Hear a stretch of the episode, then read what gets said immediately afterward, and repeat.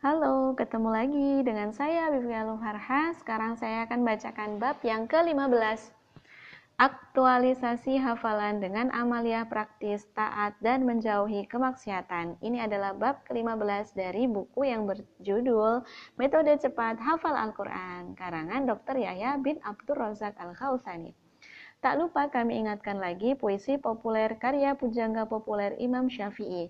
Syakautu ila waqi'in su'a hifdi wa, wa ila tarkil ma'ashi wa akhbarani bi annal ilma nur wa nurul wa la yuhadda lil asri.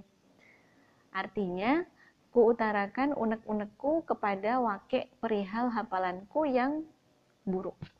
Ia menyarankan kepadaku untuk meninggalkan kemaksiatan dan memberitahuku bahwa ilmu adalah cahaya dan cahaya Allah tak diberikan kepada orang yang bermaksiat.